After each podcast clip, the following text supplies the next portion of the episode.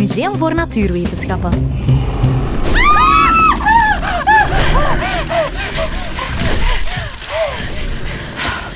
Oh, Oké, oké. We zijn hem kwijt, denk ik. Amai, Doreen. Dat was echt een heel slecht idee van ons. Zo'n teletijdmachine nemen naar de tijd van de dinosaurussen. Is hij weg? Eh, ik denk het wel, Tine. Ik hoop het toch. Oh, oef zeg. Wat voor een dinosaurus was dat? Ik ben niet zeker, maar ik denk dat er een tyrannosaurus achter ons zat. Ja, Doreen.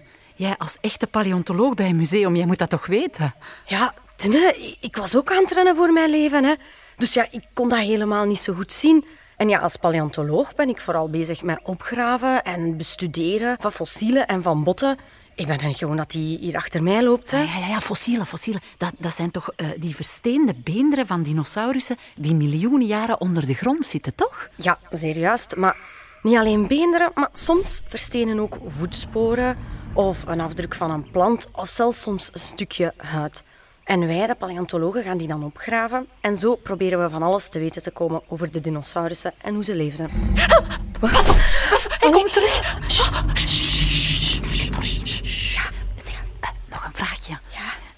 Kan ik zo'n fossiel ook in mijn tuin vinden als ik echt heel diep graaf, bijvoorbeeld?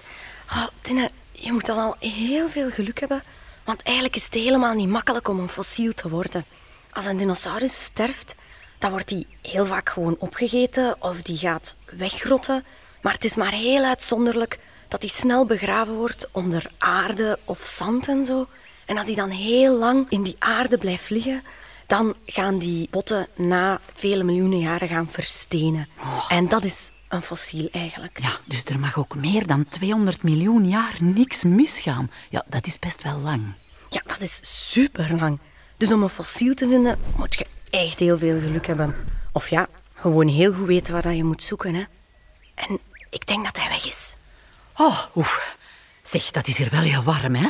Ben jij zeker dat wij niet gewoon naar de tropen gereisd zijn met die teletijdmachine in plaats van naar de tijd van de dinosaurussen?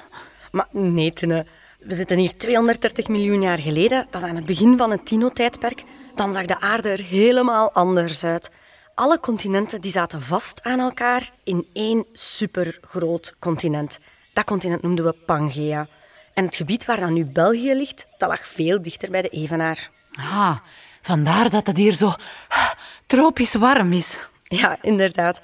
En het is maar op het einde van het dino-tijdperk, zo 66 miljoen jaar geleden, dat de continenten er een beetje meer uitzagen zoals we ze vandaag kennen. Zeg, Doreen, en van waar komt de naam dinosaurus eigenlijk?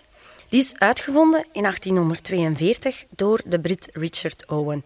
Dat was eigenlijk de, een van de eerste paleontologen. Die ging dus dinobotten gaan opgraven. En het woord dinosaurus bestaat uit de Griekse woorden deinos en sauros. Verschrikkelijk reptiel. Verschrikkelijk reptiel. Ja, ja, inderdaad. Wat? Oh, daar! Nee, Doreen, een verschrikkelijk reptiel. Lopen, lopen, lopen.